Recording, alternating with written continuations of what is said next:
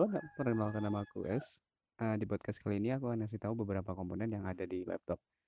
Nah, di masa WFH seperti ini, peranan laptop sangatlah penting sehingga perlu juga memahami spek-speknya. Sehingga kalian juga tidak akan salah beli. Di sini aku akan membahas kurang lebih empat komponen saja yang sering dibicarakan. Nah, komponen yang pertama yaitu adalah prosesor. Apa sih prosesor itu? Jadi, prosesor adalah sebuah komponen penting dalam komputer yang fungsinya memproses data dan mengontrol sistem yang ada di komputer. Bisa dibilang prosesor adalah otak dari komputer. Singkatnya, kerjaannya prosesor itu melakukan perhitungan dan menjalankan tugas yang diperintahkan oleh pengguna komputernya.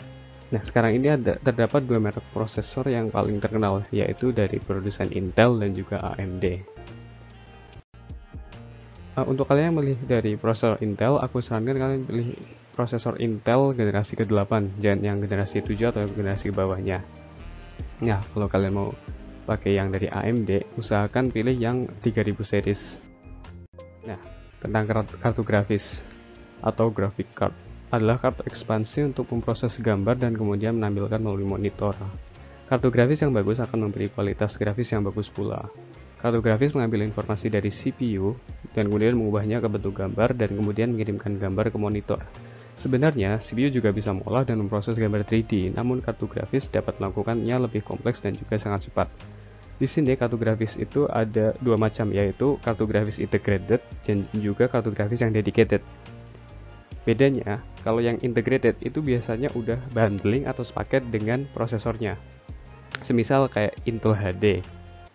Itu adalah kartu grafis yang integrated dengan prosesor Intel di atasnya Intel HD itu ada Intel Iris Plus. Eh Intel Iris kemudian Intel Iris Plus dan kemudian yang paling terbaru adalah Intel, Intel Iris Xe dan Intel Iris Xe Max. Sementara untuk AMD yang integratednya itu ada Radeon Vega. Nah kalau yang dedicated itu kartu grafis yang komponennya itu terpisah dari prosesor. Contohnya seperti yang paling terkenal adalah produsen dari Nvidia. Kayak GTX 1050 Ti kayak RTX 3080 ya semacam itu nah kemudian hard drive hard drive adalah perangkat keras yang dipakai untuk menyimpan konten dan data digital pada komputer setiap komputer umumnya memiliki hard drive internal, namun dapat juga memakai hard drive eksternal yang dapat dipakai untuk memperluas penyimpanan pada komputer. Hard drive yang saat ini banyak di pasaran itu terdapat, terdapat ada dua macam. Yang pertama adalah HDD dan yang kedua adalah SSD. Bedanya hard disk dan SSD adalah kalau hard disk itu terbuatnya terbuat dari piringan. Sehingga dalam melakukan pemrosesan data, hard disk itu perlu pemutar piringan sehingga menemukan data. Yang mana itu membutuhkan proses dan guna waktu yang lama sementara SSD itu terbuat dari chip. Sehingga dalam mencari data itu lebih cepat ketemu ketimbang kalau kalian itu pakai hard disk. Disarankan memakai yang sudah memakai SSD. Kalau mau hemat budget bisa sih kalian beli yang hard disk cuma kalau kalian beli yang harddisk, aku saranin kalian ganti dari harddisk itu ganti ke SSD. Yang jadi faktor komputer itu lambat sebenarnya adalah harddisknya. Jadi mau prosesor sekencang apa pun, kalau semisal drive utamanya masih pakai harddisk, itu pasti akan lambat. Akan terjadi yang namanya bottleneck, di mana prosesor dan kartu grafis udah kencang tapi harddisknya itu lelet. Ketika prosesor ingin memproses suatu data, terhambat dengan kecepatan harddisk yang masih lambat. Karena itu aku saranin kalian pakai SSD minimal ya SSD SATA itu yang ada yang murah Nah berikutnya adalah RAM atau Random Access Memory, merupakan perangkat untuk tempat menyimpan data yang diakses oleh prosesor.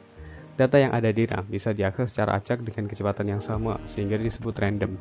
Data yang tersimpan di RAM bersifat sementara, karena hanya akan ada jika ada listrik atau saat komputer menyala, dan akan hilang jika komputer mati.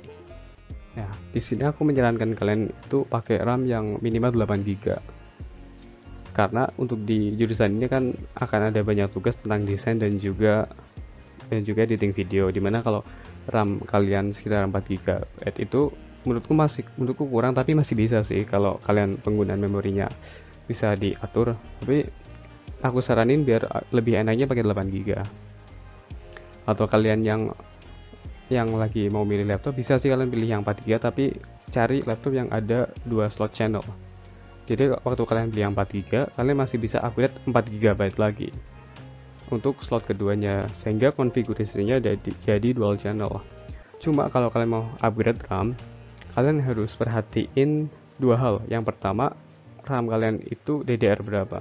Yang paling baru biasanya itu pakai DDR4 jadi kalau kalian mau upgrade RAM kalian pastiin dulu itu modelnya kayak gimana. Kalau misal DDR4 maka kalian harus beli RAM yang menggunakan DDR4 juga kalau RAM RAM yang ada di laptop kalian DDR3 ya kalian cari yang DDR3 nah selain itu kalian juga harus mencari tahu tentang kecepatan RAM kalian itu berapa Hz misal nih ya laptop kan itu kecepatan RAM-nya 2400 MHz maka kalau aku mau pakai upgrade RAM aku harus cari yang kecepatannya sama yaitu 2400 MHz jika ada dua RAM dengan kecepatan yang berbeda maka pada saat berkecepatan RAM akan mengikuti RAM yang kecepatannya itu lebih rendah karena itu kalau kalian mau upgrade RAM pilih yang kecepatan RAM-nya itu sama Nah, kalau kalian beli yang kecepatannya lebih tinggi, itu akan mubazir karena RAM kecepatan tinggi akan turun lagi kecepatannya menyamai RAM bawaan kalian. Jadi aku saranin pakai yang kecepatannya sama. Nah, mungkin itu tips yang bisa saya berikan. Apabila ada kesalahan, saya mohon maaf. Sekian dan terima kasih.